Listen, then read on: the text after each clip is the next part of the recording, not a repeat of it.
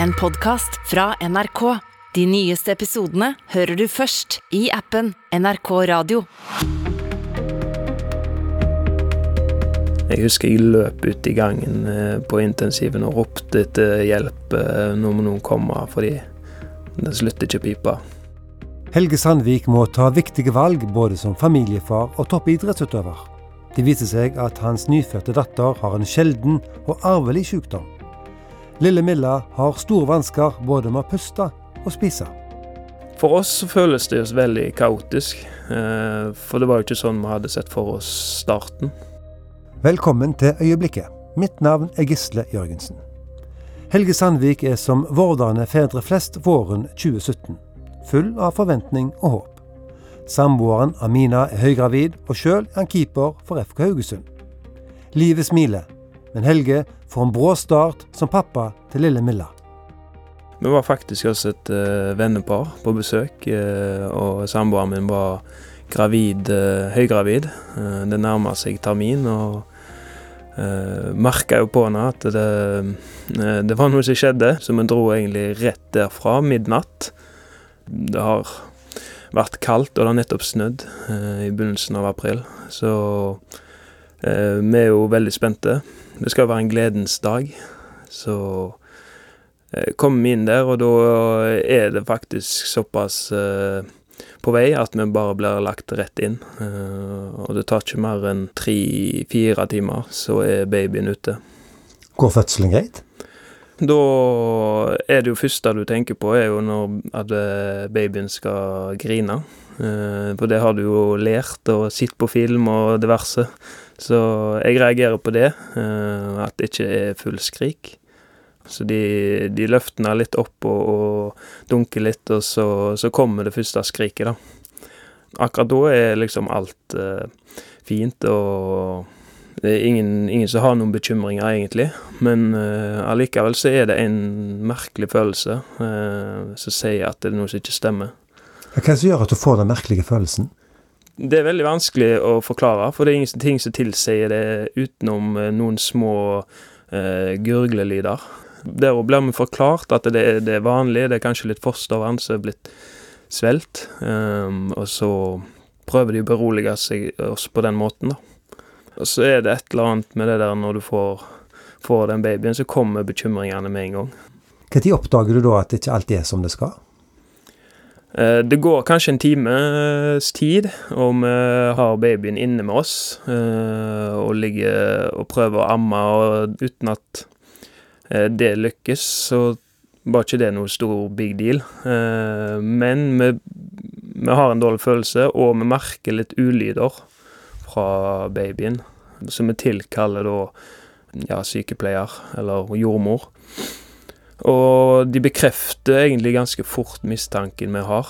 Eh, så de tar henne opp til en sjekk og, finner ut at hun sliter litt med å puste sånn som en normal baby skal gjøre, da. Hun blir da tatt inn eh, til videre undersøkelser på nyfødt-intensiven. Og da skjer det egentlig ganske fort uten forklaringer. Så vi sitter egentlig der og, i uvisshet og er ganske bekymra inne på et eh, eh, føderom eh, der det lukter forskjellige lukter etter en fødsel. For oss så føles det jo veldig kaotisk, eh, for det var jo ikke sånn vi hadde sett for oss starten. Hva skjer videre? De har ikke helt svar på hva det er, men eh, det de har funnet ut, er i hvert fall at eh, det er noe som blokkerer luftveiene, som gjør at hun ikke kan ligge eh, på ryggen som vanlige eh, babyer, og da må hun over på sida, og må ligge på sida for å få åpne luftveier, rett og slett. Og etter hvert så får vi jo beskjed om at det er en åpen gane, selv om det ikke høres ut som liksom eh, det verste, så, jo, så er jo det noe med når du forventer en frisk baby. Du har sett for deg den gleden det skal være. Eh, den gleden det skal være å ringe hjem til besteforeldre, til tanter og onkler og liksom fortelle denne gode nyheten. Så var det liksom det var den største bekymringen i verden. Så istedenfor at det ble en sånn glad eh, stemning eh, i telefonen, så, så, ble det til full eh, utblåsning av tårer og sorg, egentlig.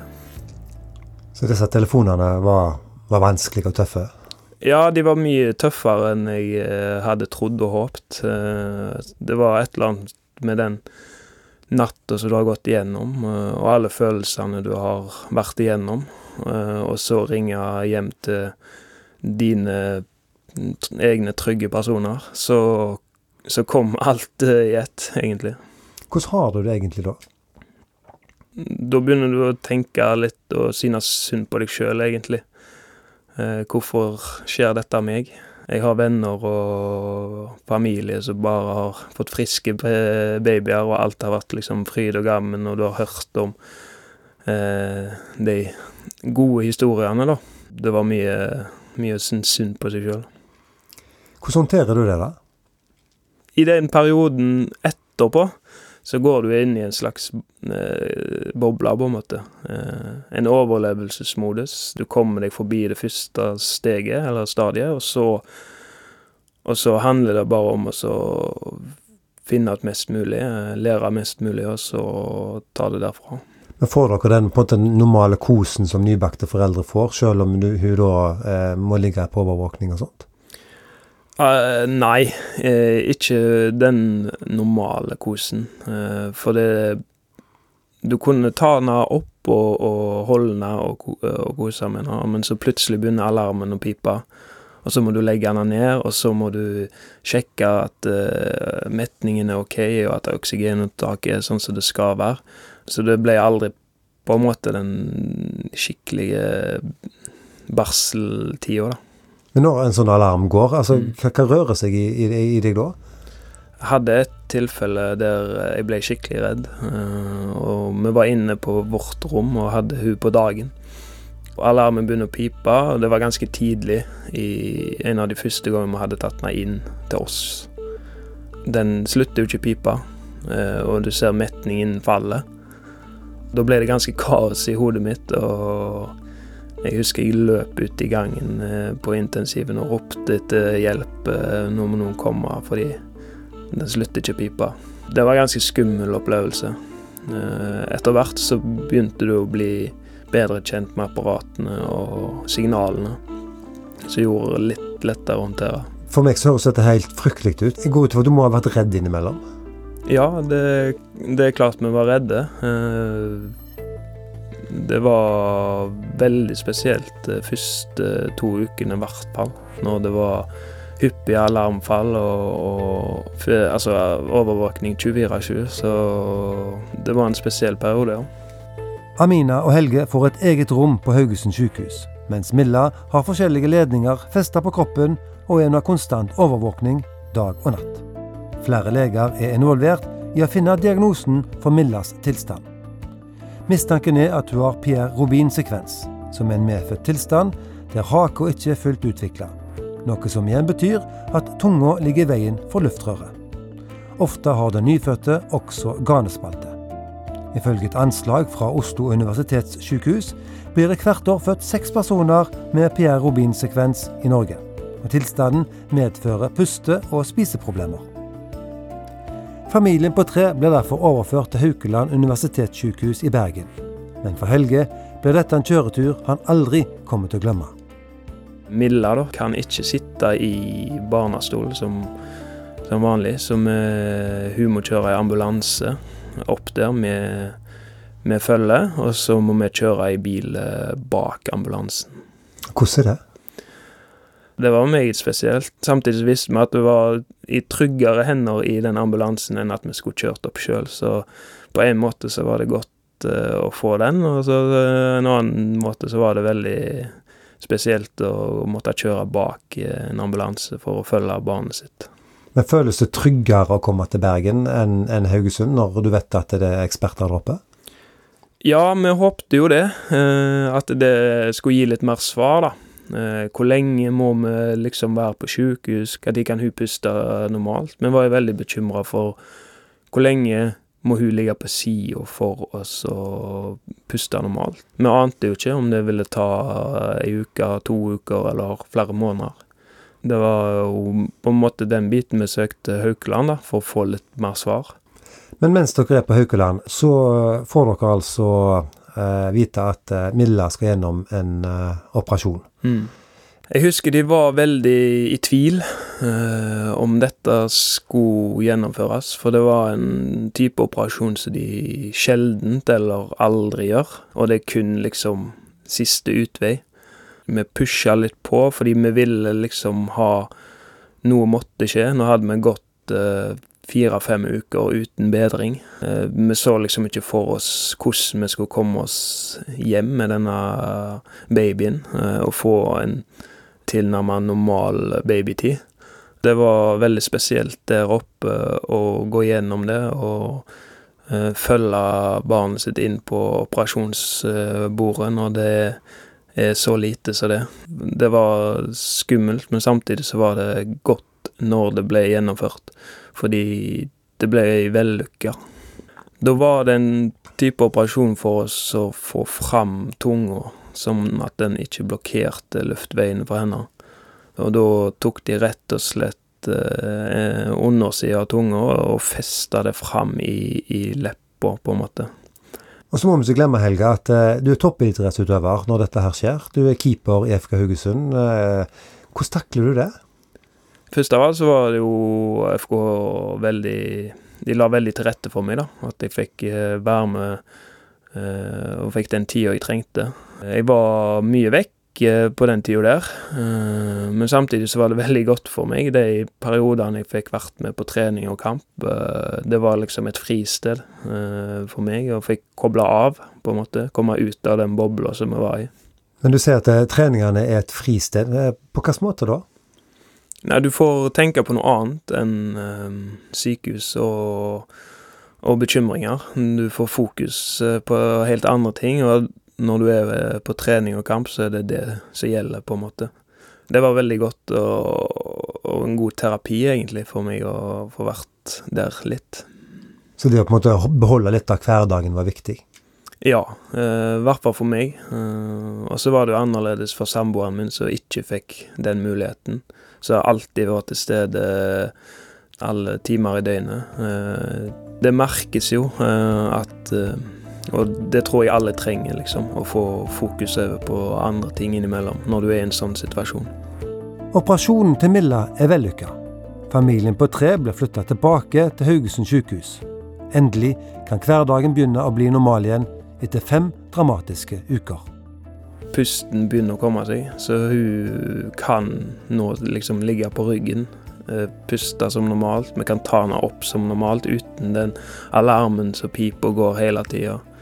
Vi fikk til og med trilla en tur ute i Haugesund sentrum, så var liksom Det var jo helt spesielt for oss. Eh, da var det blitt mai, og sola var framme, og det var fint i været. Så vi gikk eh, på tur i Haugesund sentrum med alarm, men eh, allikevel. Og så gikk vi opp på Bardkamp og litt og så på fotball. Så da, da begynte liksom troen da, på en hjemreise å komme. En enorm lettelse, vil jeg tro. Det var, det var en veldig enorm lettelse å se at uh, dette kunne uh, gå bra, liksom. Og vi fikk uh, dratt hjem, liksom. Det føltes enormt. vi kunne sette barnet vårt i bilstol og gå ut av sykehuset som en normal familie, på en måte. Og vi tok det standardbildet der jeg holder barnet i bilsetet mens vi går i gangene på sykehuset. Kommer hjem, og, og, vi setter oss liksom i sofaen og ser på TV, og barnet sitter i, i vippestolen, og Det var noe helt spesielt. Men samtidig så må dere passe på vekta, f.eks.? Ja. Det var jo en annen ting som vi ikke har vært inne på her, og det er jo mat og, og sånn som det. For vanlig amming var jo uaktuelt eh, med tanke på denne ganen, eh, åpningen i ganen. Kan ikke amme på vanlig måte uten å lage vakuum. Eh, og da må vi ha spesialflasker med som er lagd for barn med garnespalte, da. Og det var ikke bare og bare det heller. Det var mye styr. Og spesielt det første året når, når de var flaskebarn, på en måte. Det er mye å passe på, med andre ord, når dere er hjemme alene? Ja, selv om vi har kommet oss hjem og ut av sykehuset, så er det fortsatt en del bekymringer rundt uh, uh, utviklingen. Og alarmen den følger jo med dere eh, når dere går turer og sånt? Ja, vi har den med i starten, og i begynnelsen er vi hele tida. Så går det over til bare nettene, og så går det Ja, så forsvinner den heldigvis eh, helt ut etter hvert, når vi, når vi begynner å bli skikkelig trygge. Den følelsen da av å kunne skru av alarmen for godt, hvordan er den? Det var veldig skummelt. jeg husker det var enormt skummelt, for vi, vi hadde den jo inne på rommet vårt. Vi var liksom vant med den alarmen som en trygghet. Som hvis det skjer noe, så piper i hvert fall den alarmen. Vi kan sove godt fram til det. Så det var jo noe helt spesielt for oss å ta den vekk, helt vekk. For da lå du jo litt med en ekstra uro. Sov ikke like godt på natta de første dagene, dagene der. Men så, men så går det seg til. Når Milla nærmer seg ett år, står Helge samtidig fram som det naturlige førstevalget til keeperplassen i FK Haugesund. Når Eliteserien sparkes i gang i 2019, kan Helge endelig få oppleve guttedrømmen. Og jeg har jo liksom venta litt på den dagen der PK skulle videre, for det var jo ganske tydelig at han hadde ambisjoner, og FK hadde ambisjoner, ambisjoner om å selge. Så den tida hadde jeg jo sett for meg at da skal jeg liksom trå til og, og bli førstekeeper. Eh, etter mangfoldige prøvespillere og, og henta inn noen keepere, så var det i hvert fall jeg som starta første seriekamp det året. Hvordan føltes det? Det var på en måte en, en lettelse, og så var det eh, litt stolthet inni bildet, da. Så har vært igjennom det som har vært uh, året før, og, men samtidig klart å opprettholde prestasjonsnivået på uh, et sånt nivå at uh, jeg kan være førstekeeper i Eliteserien. Hva var det som gjorde at du klarte det, tror du, å eh, oppleve alt det du opplever på privaten, og likevel være på topp som keeper? Det går jo litt på det mentale, vil jeg tro, uh, og det hvordan du takler motgang. Jeg vil ikke si at jeg har hatt mye motgang i fotballkarrieren, men jeg har hatt mye uh, utfordringer. Uh, jeg har ikke liksom lett kommet til å alltid vært den som har spilt alt, men jeg har hatt en utfordrerrolle, spesielt i FKH. Liksom det å takle de situasjonene tror jeg jeg har liksom god erfaring med, på en måte. 2019 er jo eh, i eh, senere tid iallfall FKHs aller, aller beste sesong, med flere europacupkamper som dere gjør det veldig bra i, og dere kommer òg til cupfinalen. Mm. Hvordan eh, husker du cupfinalen? Jeg husker veldig godt. Eh, en veldig spesiell følelse. Du gikk og telte dager, og, og nervene kom tidligere enn eh, enn i andre vanlige seriekamper. Vi kjører buss fra hotellet vårt og opp til Ullevål og ser folk står langs veien og med Haugesund-flagg og skjerf og alt sånt som det. Så det var, det var noe ekstraordinært. I garderoben før kampen, da, hvordan er stemningen da? Det som er merkelig, er at jeg nesten ikke husker noe fra eh, selve oppbyggingen før kamp. Eh, det, det tror jeg at du, du, er i en sånn situasjon der kun fokus på prestasjon, eh, kun fokus på det som skal skje utpå der. Samtidig så en del nerver inne i spill. Men dere hadde tro på seier? Vi hadde veldig tro på seier. Det ble jo veldig klart uttalt i media og sånt før kamp. Eh, og det, det var vi, for vi var ikke noe dårligere lag enn Viking på den tida. Det var liksom nå det skulle skje for Haugesund-fotballen, og skulle cupfinalen vinnes. Men den gang ei? Den gang ei. Og den satt lenge i. Det, det, tok sikkert et år eller to før jeg liksom klarte å se tilbake på det øyeblikket som noe stort, da, egentlig. Ja, fordi at tapet gikk sånn litt på deg? Det var liksom det å komme så langt og være så nærme og ikke lykkes, når du hadde så stor tro. Og så veldig lyst eh, til å klare det. I etterkant av det så ville du bare glemme det, på en måte. Men nå ser jeg eh, tilbake på det med cupfinalen som noe, noe stort, og veldig glad for å ha vært med på. Var det guttedrømmen, liksom? Det var absolutt guttedrømmen. Jeg husker jeg spilte i Verd og liksom tenkte hvordan skal vi komme oss til cupfinalen? Det går ikke det med et andredivisjonslag. Så det var liksom Det har alltid vært et stort mål for meg, og jeg har egentlig ikke trodd at jeg skulle få oppleve det. Men heldigvis fikk jeg det. I 2019 får også Milla en endelig diagnose. I tillegg til Pierre Robins sekvens får hun påvist Stiklers syndrom, som er en arvelig tilstand som i varierende grad påvirker syn, hørsel, balansen og skjelettet. Derfor må Amina og Helge ha noen grundige diskusjoner seg imellom. Paret har nemlig lyst på én unge til. Vi var veldig klare på at vi ville ha to, eh, med ikke altfor stort mellomrom. Eh, så det begynte å nærme seg en avgjørelse da i, i høsten 2019 eh, hva vi skulle gjøre. Men vi er jo veldig bekymra for, for dette skal skje igjen. Og vi vet det med tanke på den andre diagnosen til Milla, da, så vet vi at det er arvelig, og at det er, det er en 50 sjanse for hvert fall det, uten at det trenger å være den Pierre Robin-sekvensen, så i Milla situasjon så var det den utfordrende. Men vi oppsøker litt uh, råd og hjelp, og både spesielt på Haukeland, da. Om det finnes noen alternativer, eller uh, finnes det noen måter som vi kan forberede oss på, hvis det viser seg å skje igjen. Det var vel utelukkende negativt på, det, på den måten.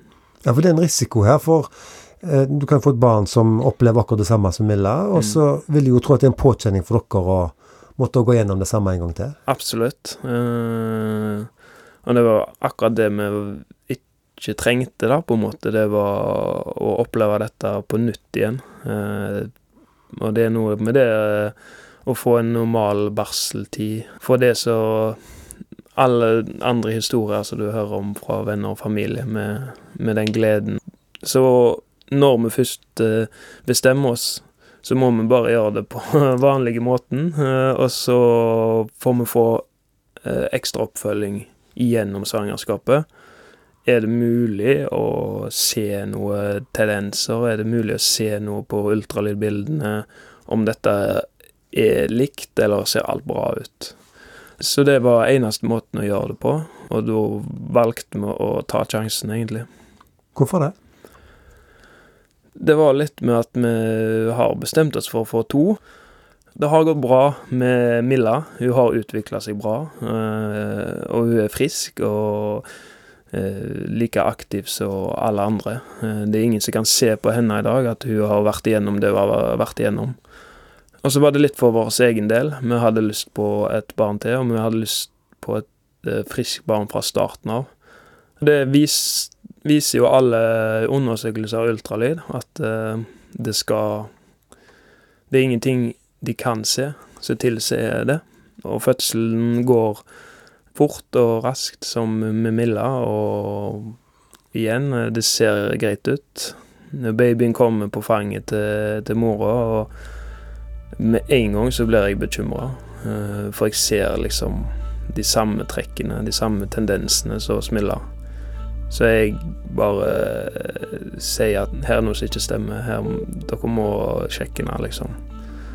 Eh, de prøver da å berolige i, starten, og med samme, med samme beskjeder som vi fikk med Milla, men da slo jeg egentlig gjennom og bare sa nei, dette kjenner jeg igjen, liksom. Så da var det opp på benken og undersøkelse av lege, der de fant eh, ganske kjapt eh, denne garnspalten igjen. Hvordan opplevde du dette? Da falt egentlig jorda sammen. Da Det er vanskelig å snakke om. Mm. Så du klarer ikke å være egentlig bedre forberedt denne gangen, da? Det kommer nesten som et uh, større sjokk at det skal skje to ganger. Jeg hadde virkelig tro på at vi liksom skulle få et friskt barn fra starten av.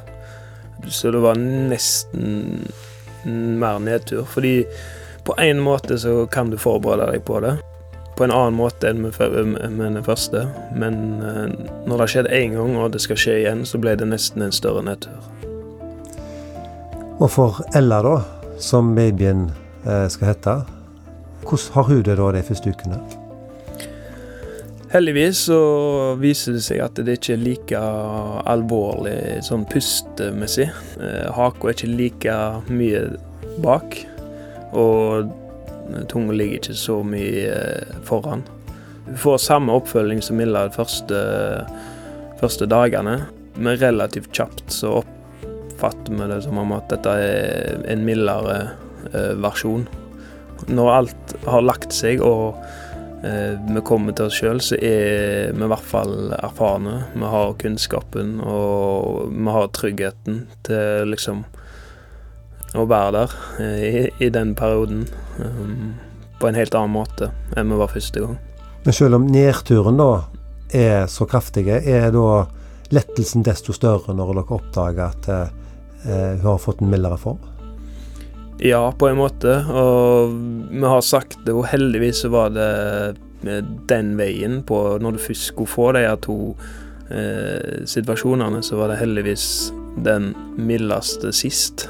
Det tror jeg eh, gjorde det lettere å takle enn hvis det skulle kommet et enda verre tilfelle igjen. For den diagnosen som begge de har, eh, følger jo med en del eh, bekymringer, eh, som hørsel og syn, og det kan gå på balanse, motorikk og, og hypermobilitet. Så har Milla litt, uh, fått litt uh, flere utfordringer enn en Ella så langt i livet. Så hun har litt dårlig syn og hatt litt dårlig hørsel, uh, men alt i alt så er de friske begge to. Hvor deilig er det ut ifra den følelsen en hadde på Haukeland første gangen, og du, du, du, er redd for at uh, babyen din skal dø? Nei, det, det er en veldig lettelse at det har gått så bra som det har gått. Uh, og det er jo det alle andre rundt oss sier jo. Altså Tenk hvor dere var, og hvor dere er nå, og hvor, uh, hvor fint de har utvikla seg i løpet av det året. Vi er veldig takknemlige for at det gikk så bra som det gikk. Det er lett å forstå takknemligheten til Helge. Men i FKH er Egil Selvik henta inn som keeperkonkurrent. Og fortsatt er det viktige valg som må tas. Da var det først og fremst fokus på, på Ella eh, den perioden hun ble født. Eh, jeg ga vel tidlig beskjed om at jeg trengte noen, noen ukers pause. Eh, ubestemt tid, egentlig. og hvis det hadde vært så gale som med Milla, så hadde jeg kanskje ikke kommet tilbake. Men når det viste seg at det var litt mildere, og, og det gikk litt bedre om å komme oss raskere hjem, så begynte jeg etter hvert å, å begynne opptreningen sammen med ny konkurrent. Selv om det ble litt amputert den uh, eh, 2021-oppkjøringen nå. Ja, for du fikk korona? Vi fikk korona alle mann i hus, uh, så med en baby på to måneder med sykdom, så var det litt skummelt, det òg. Men heldigvis så beit ikke den eh, særlig på de to ungene våre, så de holdt seg relativt friske gjennom den perioden. Og for din egen del så må du jo være vekke fra trening? For min egen del så ble jo det verste utfallet, egentlig. For jeg eh, måtte i isolasjon når eh, eldstejenta fikk det i barnehagen. Eh, så måtte jeg i isolasjon når eh, samboeren min fikk det et par dager etterpå. Og så ble det ut via hver gang noen fikk det. Så jeg var jo i isolasjon helt til jeg fikk det sjøl, så jeg var jo i isolasjon i 25 dager, eller noe sånt. Og det er klart, når du er toppfotballspiller, så er det ikke helt eh, optimalt å være vekke fra trening i 25 dager. I tillegg til at jeg var så lenge vekke, så tok det litt ekstra tid før jeg kom meg helt uh, i tipp topp shape etter korona, for han hang litt i. Så jeg måtte nok bruke noen uker på å komme tilbake til det slaget jeg var. Og da er du ikke en reell konkurrent til Mr. Selvik?